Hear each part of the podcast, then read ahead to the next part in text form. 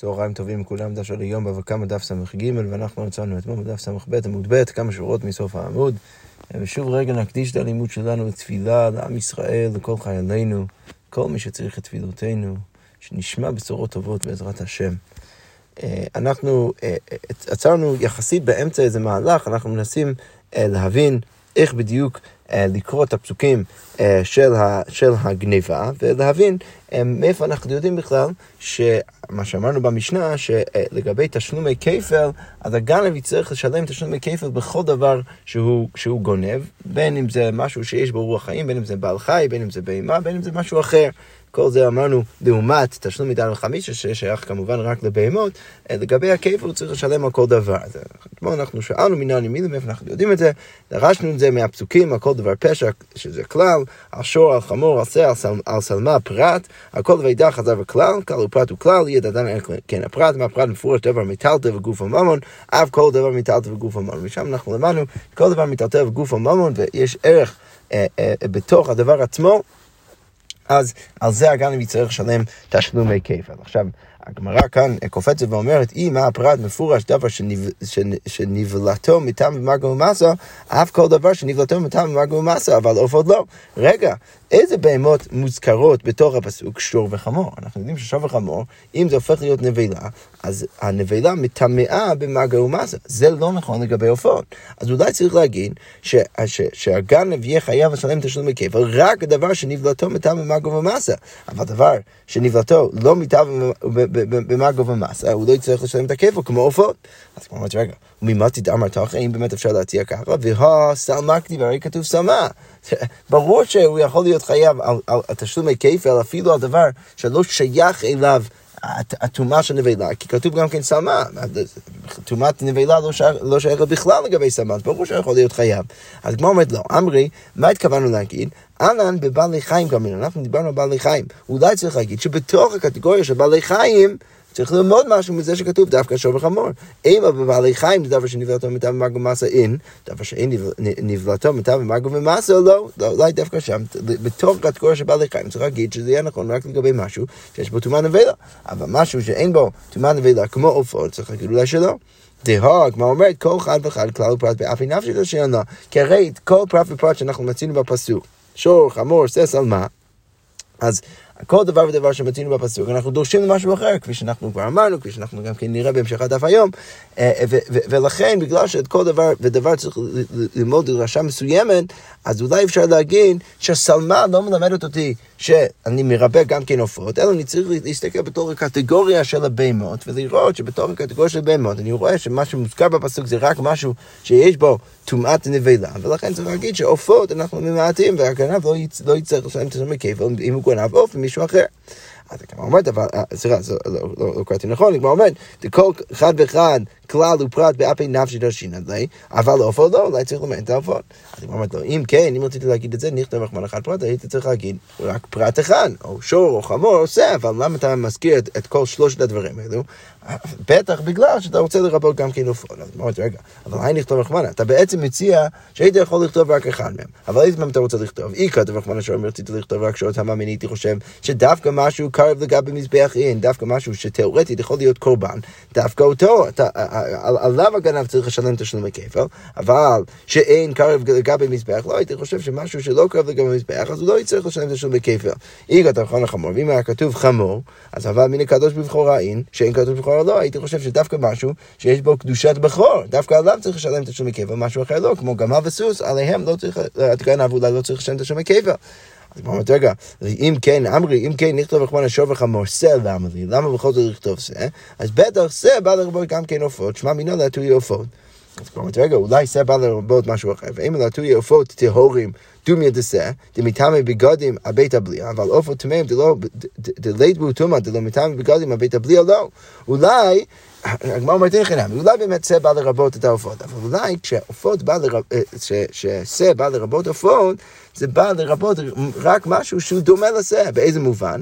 אולי זה מרבה רק עופות טהורות. עכשיו, בואו רק אה, נבהיר ונזכיר לעצמנו קצת רקע כאן. לגבי, אה, יש, אה, חז"ל דורשים שלגבי עופות, התרומה שלהם מתחלק לעוף טהור ועוף טמא. אם יש לך עוף טהור, אז אז אם הגוף של העוף הוא טמא, נגיד שהוא, כי הוא נבלה, אז אם אתה, אז, אז מה שנקרא מטמא בגד עם הבית הבליעה. אם אתה אוכל דבר כזה, אז ברגע שהוא נכנס לתוך בית הבליעה, הוא יטמא לך, למרות שהוא לא נוגע בהם, הוא יטמא לך גם כן את, הבג, את הבגדים שעליך, גם כן הבגדים שאתה לובש אותם, אז גם אותם הוא יטמא. עכשיו, זה נכון אבל רק לגבי עוף טהור, אבל לגבי עוף טמא, שהטומאה שלו לא מגיעה מדרך זה שהוא נבלה, אלא מדרך ש, שבמהותו הוא עוף טמא, אז הוא לא מטמא בית הבליעה. עכשיו, הגמרא אומרת, אולי כשאנחנו משתמשים בסק כדי לרבות עופות, אולי צריך לרבות משהו שהוא דווקא דומה לשה. אולי דווקא עופות טהורים, דומי דסד, מטמא בגדים הבית הבליע, כמו שיש לשה טומאת נבילה, אז כמו כן יש סוג טומאה לגבי עופות טהורים שמטמא בגדים הבית הבליע, אולי דווקא את זה צריך לרבות. אבל עופות טמאים, דלית בו טומאה, דלא מטמא בגדים הבית הבליע, לא, אולי צריך להגיד שאותם אנחנו לא מרבים, אנחנו לא אומרים שהגנב עליהם צריך לשלם תשלומי כפל. אז כמו אומרת כל ריבוי ההוא. אה. אז בסוף אנחנו מגיעים לסוף הדרשה, ואנחנו אומרים שזה שכתוב אה, בתורה כל, על כל דבר פשע זה כבר מרבה, הכל זה מרבה גם כן את העופות. אז כמו מתרגע. האם זה באמת נכון שכשכתוב כל זה בא לרבות הכל, וכל, אה, אה, הגמר אומרת, סליחה, וכל היכא דכתב כל ריבוי, בכל מקום שכתוב כל, אז זה בא לרבות, והגבי מייסר, הרי לגבי מייסר שני, דכתיב כל וקא דרשינן ליה בכלל ופרט. הרי כתוב כל גם כן לגבי מעשר שני, אנחנו לא אומרים שזה בא לרבות הכל, אנחנו אומרים שצריך לדון את זה בכלל ופרט, בדיוק כמו שרצינו להציע למעלה. דתניא כתוב בברייתא, ונתת הכסף בכל אשר תאווה נפשך. אגב, מה ההקשר? בן אדם הפריש אה, מעשר שני, במקום להביא את המעשר שני לירושלים, הוא רוצה עכשיו לפדות את זה על כסף, להביא את הכסף לירושלים ולקנות שם אוכל בתוך ירושלים ולאכול את זה בקדושת מעשר בירושלים. עכשיו, התורה אומרת, ונתת הכסף בכל אשר תאבד נפשך, שזה אנחנו דורשים כלל. בבקר ובצאן ביין נפשך פרט, ובכל אשר תשאלך נפשך חטא וכלל, כלל ופרט וכלל, יש פה כלל ופרט וכלל, איך הם דורשים את זה? אי אתה דן כן הפרט, מה הפרט מפורש פרי פרי מפרי וגידולי קרקע, צריך להיות או אה, אה, דווקא פרי, פרי מפרי או גידולי קרקע, אז אף כל פרי מפרי וגידולי קרקע, יפה, לא ניכנס לתוך הדיון שם. איך שזה לא יהיה, אנחנו רואים שמשתמשים בכל, לא כדי לרבות הכל, אלא דווקא כדי לדון בכלל הפרט. אז כמו אומרת, אמרי, בכל כלל, וכשכתוב בכל, כמו שכתוב לגבי מייזר שיין, ובכל, ובכל עם הבט, ובכל אשר תשאל לך נפשך. אז זה באמת לכלל הפרט. אבל כשכתוב רק כל, על כל דבר פשע, ריבוי זה בא לרבות הכל. אי בהתאם מאוד אפשרות, כל כלל הוא באמת, כל זה גם כן צריך להיות אה, אה, כלל ופרט וכלל. מי הוא? כל דהך, אבל הכל אצלנו ריבוי הוא. למה זה ריבוי? למה זה ריבוי דווקא אצלנו? אז הגמרא מדמך לי, הרי כתיב מעיקר כלל ופרט וכלל. אם אנחנו נסתכל בפרשייה, כתוב עוד לפני זה. כלל ופרט הוא כלל, בואו רק נזכיר לעצמנו מה ההקשר של כל הפסוקים האלה, מדובר על, על הקשר שבו בן אדם נותן חפץ לרעהו, ואז אה, אה, אה, החפץ הזה נגנב מביתו של השומר. עכשיו, אחרי זה התורה מתארת את, את, את התהליך שצריך לעשות. אם מצאו את הגנב, תכף בהמשך הדף אנחנו עוד נתלבט בזה, איך בדיוק לקרוא את הפסוקים, אבל על, על פניו, פשט, מפשט הפסוקים, אז התורה מתארת לך שאם מצאו את הגנב, אז הגנב צריך לשלם תשלומי כפל, אם לא מצאו את הגנב, אז המפקיד יכול לקחת את השומר לבית הדין, והוא יצטרך להישבע על כך שהוא בעצמו לא גנב, הוא לא, לא שלח ידו מלאכת רעהו, הוא לא גנב את זה, וזה לא נמצא אצלו. עכשיו, בתחילת הפרשייה, מה כתוב? אז כמו אומר, כבר כתוב כלל ופרט וכלל, מה כתוב? כי ייתן איש אל רעהו כלל, זה כבר כלל, הוא, הוא מביא לו כל דבר. כסף או כלים, פרט. לשמור אז כתוב בתורה, כי ייתן איש הרעהו כסף וקודים לשמור. אז אם, כשכתוב לשמור, אז חזר וכלל, זה, זה ביטוי כללי. אז יש לי כבר כלל ופרט וכלל בלמעלה. אז, אז למה אני צריך כלל ופרט וכלל בהמשך? אז הגמרא אומרת, ואיסא גדית חי על כל דבר פשע, נעמי לכלל ופרט ודעת. אם רציתי להגיד שזה גם מגיע כדי לדון כלל ופרט וכלל, אז נכתוב רחמנא להני פרט לגבי האיך כלל ופרט. היית צריך לכתוב את, את, את, את כל הפרטים של הכלל ופרט השני לגבי הכלל ופרט הראשון. למה אתה פתאום... עושה את זה שוב, על כל דבר פשע למה לי? למה, למה אתה צריך על כל דבר פשע? אז בטח זה בא ללמד אותי לא שאני אדע מכלל פרט וכלל, אלא שמע מינו ריבוי, ריבוי הוא בטח, על, על כל דבר פשע בא לרבות הכל, זה מרבה אפילו עופות. יפה. אוקיי, אז עכשיו הגמרא אומר ככה, השתא דאמרת כל ריבויו, עכשיו, שאמרת שבאמת, כשכתוב על כל דבר פשע זה בא לרבות הכל, אז כל הני פירטי למה לי, אז זה שכתוב שור, חמור, סס על מה, למה אני בכל זאת צריך את זה? הרי עכשיו אני מרבה הכל.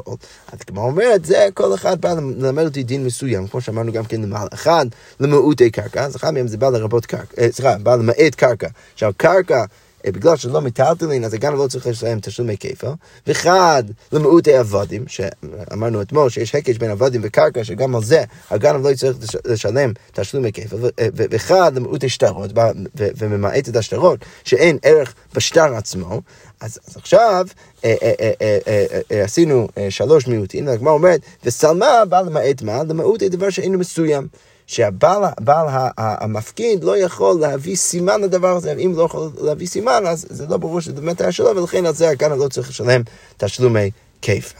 אוקיי, עכשיו... אז בעצם אנחנו דרשנו את ארבעת הפרטים שראינו בתוך הפסוק, שור, חמור, סס, על מה.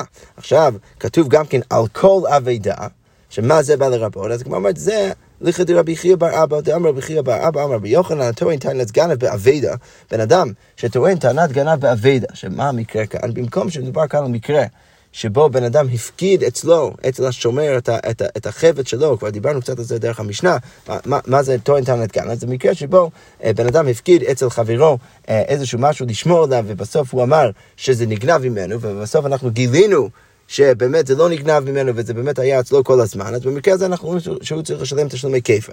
עכשיו, יוחנן בא ואומר שיש מקרה אחר שאולי גם כן יש הווה אמינא להגיד שהוא יצטרך לשלם תשלומי כפל, שמה זה, באיזה מקרה זה? זה מקרה שאותו ניתן גם באבדה. לא שהחפץ הגיע אליו מלכתחילה מדין שומר, אלא שהוא מצא את זה, הוא מצא אבדה בשדה, מצא אבדה ברחוב, הוא רוצה עכשיו להחזיר את זה לבעל החפץ, אלא שמה? כשזה היה בתוך הבית שלו, הוא טוען עכשיו שזה נגנב. אז, אז רבי חייא בר אבא אומר בשם, בשם רבי יוחנן, זה שכתוב על כל אבידה בא לרבות גם את המקרה הזה, שגם במקרה הזה השומר אבידה יצטרך לשלם תשלומי כפל. אז הגמרא אומרת שרבי יוחנן בא ואומר, התור ניתן לגן באבידה משלם תשלומי כפל, מאיפה אנחנו יודעים? שנאמר על כל אבידה אשר יאמר. יפה, אז בעצם, אה, אה, אה, מה אמרנו בסוף? בסוף כל הסוגיה אנחנו אומרים שכשכתוב כל, זה באמת בא לרבות הכל, זה באמת בא לרבות גם כן את. היי, אז למה אני צריך את כל הפרטים בתוך הפסוקים? שור, אה, אה, שור, חמור, סס, על מה? על כל אבידה, אני צריך את זה כי אני לומד משהו ספציפי מכל אחד ואחד מהמקרים האלו. אני לומד למעט גם כן קרקע, אני לומד למעט עבדים, אני, לא, אני משתמש בזה כדי למעט גם כן שטרות, משתמש בסמה כדי למעט דבר שאינו מסוים, משתמש בביטוי על כל דבר אבידה כדי לרבות את הטוען טענת גנב באבידה, שבן אדם שטוען טענת גנב באבידה, הוא מצא אבידה, הוא טען טענת גנב, ואז בסוף גילינו שזה באמת היה אצלו כל הזמן, שגם הבן אדם הזה צריך לשלם תשלומי כפל שנאמר כל, על כל אבידה אשר יאמר. אוקיי. עכשיו אנחנו עוברים אה, דווקא למשנה שאנחנו נראה בפרק באגוז על עצים, ונצטרך לראות איך זה בדיוק מתכתב עם מה שאנחנו אומרים עכשיו. אז כמו אומר ככה, תנן הותם, כתוב שם במשנה, היכן פקדוני? אז בן אדם הפקיד אה, איזשהו פיקדון אצל מישהו אחר, ובא השומר, איפה הפיקדון שלי? אז אמר לי, השומר אומר לו, אבד. אז בעל הפיקדון בא ואומר, משביעך אני, אוקיי, אני משביע אותך, אתה צריך להישבע לי שבאמת זה הלך לאיבוד, ואמר אמן, כן, הוא באמת לוקח, אה, לוקח שבועה. עכשיו, מה קורה? והעדים מעידים אותו שאכלו משלם את הקרן. אז העדים באים ומעידים על כך שהוא באמת אכל, הוא השתמש בפיקדון, לא, זה לא באמת הלך לאיבוד, אלא זה באמת אצלו. אז במקרה הזה הוא צריך, הוא צריך עכשיו לשלם את הקרן. עכשיו, למה כאן הוא צריך לשלם את הקרן ולא את ה... ולא כפל? כי לכאורה כאן, בגלל שהוא לא טען טענת גנב, הוא לא טען שזה נגנב ממנו, אלא הוא טען שזה, שזה הלך לאיבוד, אז במקרה הזה הוא צריך לשלם רק את הקרן ולא את הכפל. אם הוא הודה על פי עצמו, אחרי שהוא כבר נשבע, הוא הודה על פי עצמו, שזה באמת, זה תמיד היה אצלו, שהוא אכל את זה, אז משלם קרן בחומש והשם, אז במקרה הזה הוא צריך לשלם להביא גם כן קורבן אשם, ובנוסף לאשם הוא צריך גם כן לשלם חומש. את זה, אה, שני הדינים האלו, אה, עליהם אנחנו ניכנס בעזרת השם אה, בהמשך המסער, בהמשך הפרק, אבל כרגע מה אנחנו רואים? שהוא צריך לשלם קרן וחומש ואשם. אוקיי. מקרה שני, היכן פקדוני, אמר לו נגנב, אז כאן הוא לא אומר עבד, הוא אומר נגנב. משביעך אני, אז עכשיו בעל הפיקדון בא ומשביע את השומר, ואמר אמן, הוא באמת הסכים לזה. והעדים מעידים אותו שגנבו, אבל העדים באמת מעידים על כך שלא... גנב הגיע וגנב את זה ממנו, אלא שהוא גנב את זה בעצמו. אז במקרה הזה, משלם תשלומי כפל. הנה אנחנו רואים במפורש את הדין הזה, שלא רק שהגנב עצמו צריך לשלם תשלומי כפל, אלא אפילו הטוען טענת גנב גם כן צריך לשלם תשלומי כפל. אוקיי, אבל אם הוא הודה מעצמו, אז הדין זהה למה שראינו למעלה, הוא צריך לשלם, משלם קרן וחומש, ואז שם הוא צריך לשלם קרן, ועוד חומש, עוד חמישית על גבי זה, הוא צריך לשלם לבעל, לבעל החפץ, וגם הוא צריך להביא קורבן אשם. אוקיי, אבל מה כתוב במפורש במשנה שם, קטני מיהה, בטוען טענת גנת משלם תשלומי כיפה, ובטוען טענת עבד לא משלם תשלומי כיפה. אז עיקרון אחד שאנחנו רואים, שרק הטוען טענת גנת משלם תשלומי כיפה, אבל טוען טענת עבד לא משלם תשלומי כיפה. זה א', ואפילו טוען טענת גנת, וגם כן טוען טענת גנת, בשבועה זה משלם תשלומי כיפה, הוא צריך לשלם אה, אה, כיפה רק בשבועה, אבל שלא בשבועה אין משלם תשלומי כיפה. אבל אם הוא באמת אומר שזה נגנב, ואז בסוף אנחנו מגלים שזה אצלו כל הזמן, הוא לא יצטרך לשלם תשלומי כיפה, אלא אם כן הוא נשבע. אבל אם הוא לא נשבע בבית הדין, הוא לא צריך לשלם תשלומי כיפה. אז הגמרא אומרת מנהל מילה, מאיפה אנחנו יודעים את זה? קודם כל, את הדין הבסיסי, שהטוען טען גם צריך לשלם תשלומי כיפה, וגם שהוא צריך לשלם תשלומי כיפה דווקא בשבועה. אז הגמרא אומרת, תתנו רבנו כתוב בברייתא, אם יימצא הגנב. אז כאן אה, מדובר, אה, שוב, בתוך אותם הפסוקים, שה, ש, ש, שה, שהשומר בא ואומר שזה נגנב בביתו, אז התורה אומרת שאם יימצא הגנב, אז הגנב צריך לשלם שניים, הוא צריך לשלם תשלומי כיפה.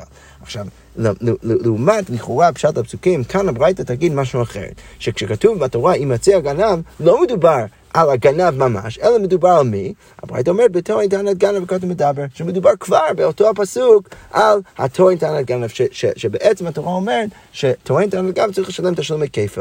אז הגמרא אומרת, אתה אומר בתורן טענת גנב או אין אלא בגנב עצמו. אולי מדובר שם בפסוק, לכאורה לפי פשט הפסוק, מדובר על הגנב עצמו. אז הגמרא אומרת לא, כשהוא אומר, בפסוק הבא כתוב, אם לא יימצא הגנב, אז שמה בטח שמדובר על מי? בתורן טענת גנב הכתוב מדבר, שם בטח שמדובר על תורן טענת גנב, למה? כי שם כתוב בתורה, אם לא יימצא הגנב, שאם אנחנו לא מוצאים אותו, אז, אז, אז, אז המפקיד, בעל הפיקדון, יכול להביא את השומר לבית הדין, ברור שמדובר שם על, על, על התורן טענת גנב ולא הגנב עצמו, ולכן אם למטה מדובר על התורן טענת גנב, אז ברור שגם בסוג הראשון מדובר על התורן טענת גנב.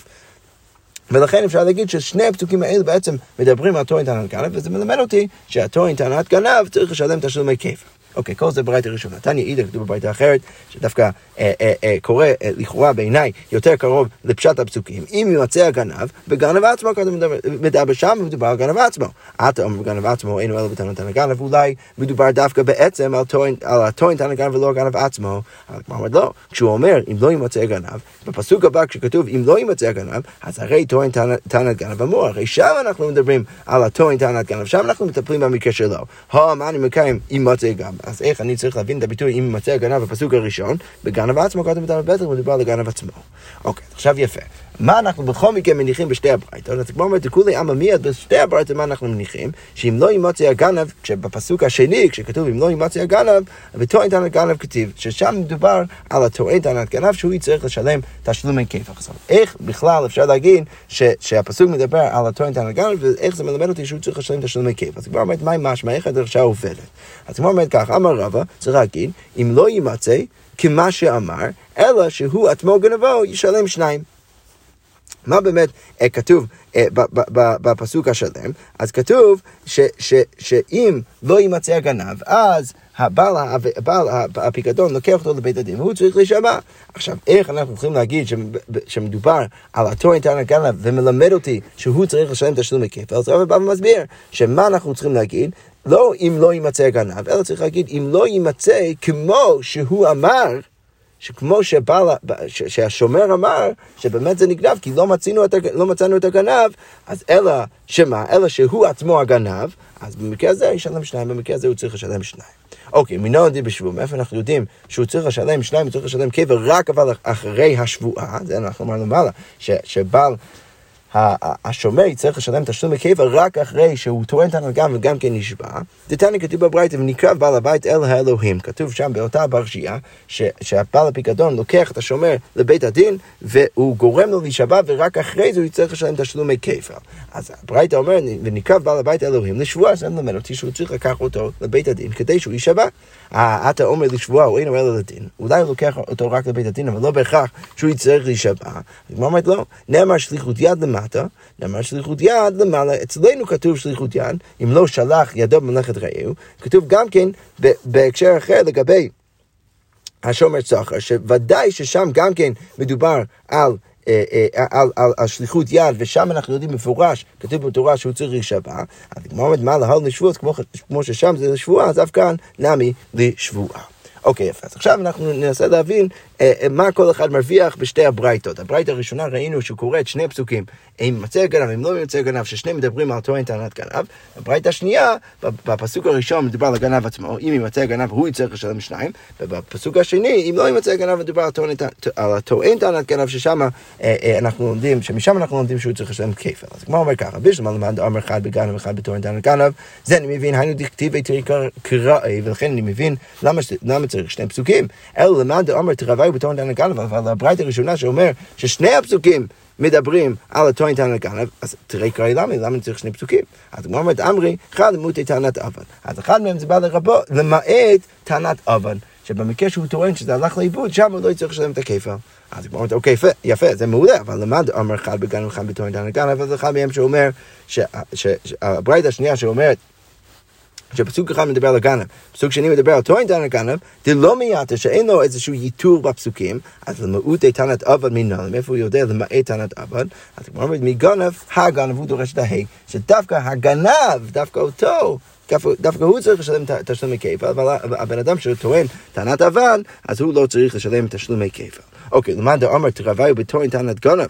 דמיית לי טוען טענת עבד גנב הגנב מי דריש בי. אז להוא שאומר ששני הפסוקים מדברים על טוען טענת גנב, ולכן היה לו איזה ייתור כבר למעט טוען אה, אה, טענת עבד, אז איך הוא דורש גנב הגנב? אז כמו אומרת המלאכה, הוא יגיד לך, מבית ללכת רבי חייא בר אבא אמר בי יוחנן, הוא צריך לצאת לדרשה של רבי חייא בר אבא בשם רבי יוחנן, דל רבי חייא בר אבא אמר בי יוחנן, טוען טענת גנב בפיקדון, משלם תשלומי כפל, טבח ומחר, משלם תשלומי ארבע וחמישה, שזה מלמד אותי כמו שאמרנו אתמול, שלא רק הטוען תנא גנב צריך לשלם תשלומי כפל, אלא אם הוא טבח ומכר את זה, אז גם הוא יצטרך לשלם תשלומי ארבע וחמישה. מאיפה אני יודע את זה? כי כתוב גנב, הגנב זה מרבה גם כן במקרה הזה, גם שם אנחנו אומרים שלא רק הגנב עצמו צריך לשלם דל וחמישה, אלא אפילו הטוען תנא גנב צריך לשלם תשלומי דל וחמישה. אוקיי, למד אמר אחד בגנב ואחד בטוען תנא גנב, דהי גנב והגנב אף כאילו מעוטי תנת אבן, דרבי חייא בר אבא מינא להו. רגע, אבל הברייתא שאומרת שאחד, פסוק אחד מדבר על הגנב, ופסוק השני מדבר על טוען תנא גנב, שהוא ישתמש בגנב הגנב כדי למעט תנת אבן, אז מאיפה הוא לומד את הדין של רבי חייא בר אבא מינא להו, שבאמת הטוען תנא גנב יצטרך לשלם גם כן דל וחמישה, אז כמו אומרת, אמר לך, הוא יגיד לך, הקשו, הרי זה הקש ואין משיבין על הקש. מה הכוונה זה הקש?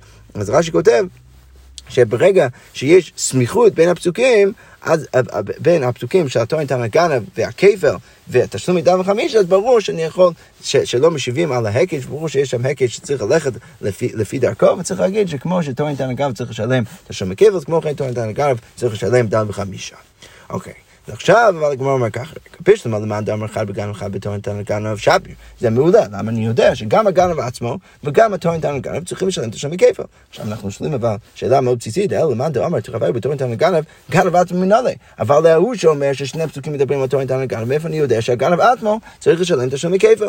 אז כמו אומרת, וכי תימו, אולי תצטרך להגיד, ליתי בקל וחומר מתורן תנא גנב, אולי צריך להגיד שאפשר ללמוד את זה וחומר. אם התורן תנא גנב צריך לשלם את השם כפל, אז ברור שהגנב עצמו צריך לשלם את השם כפל.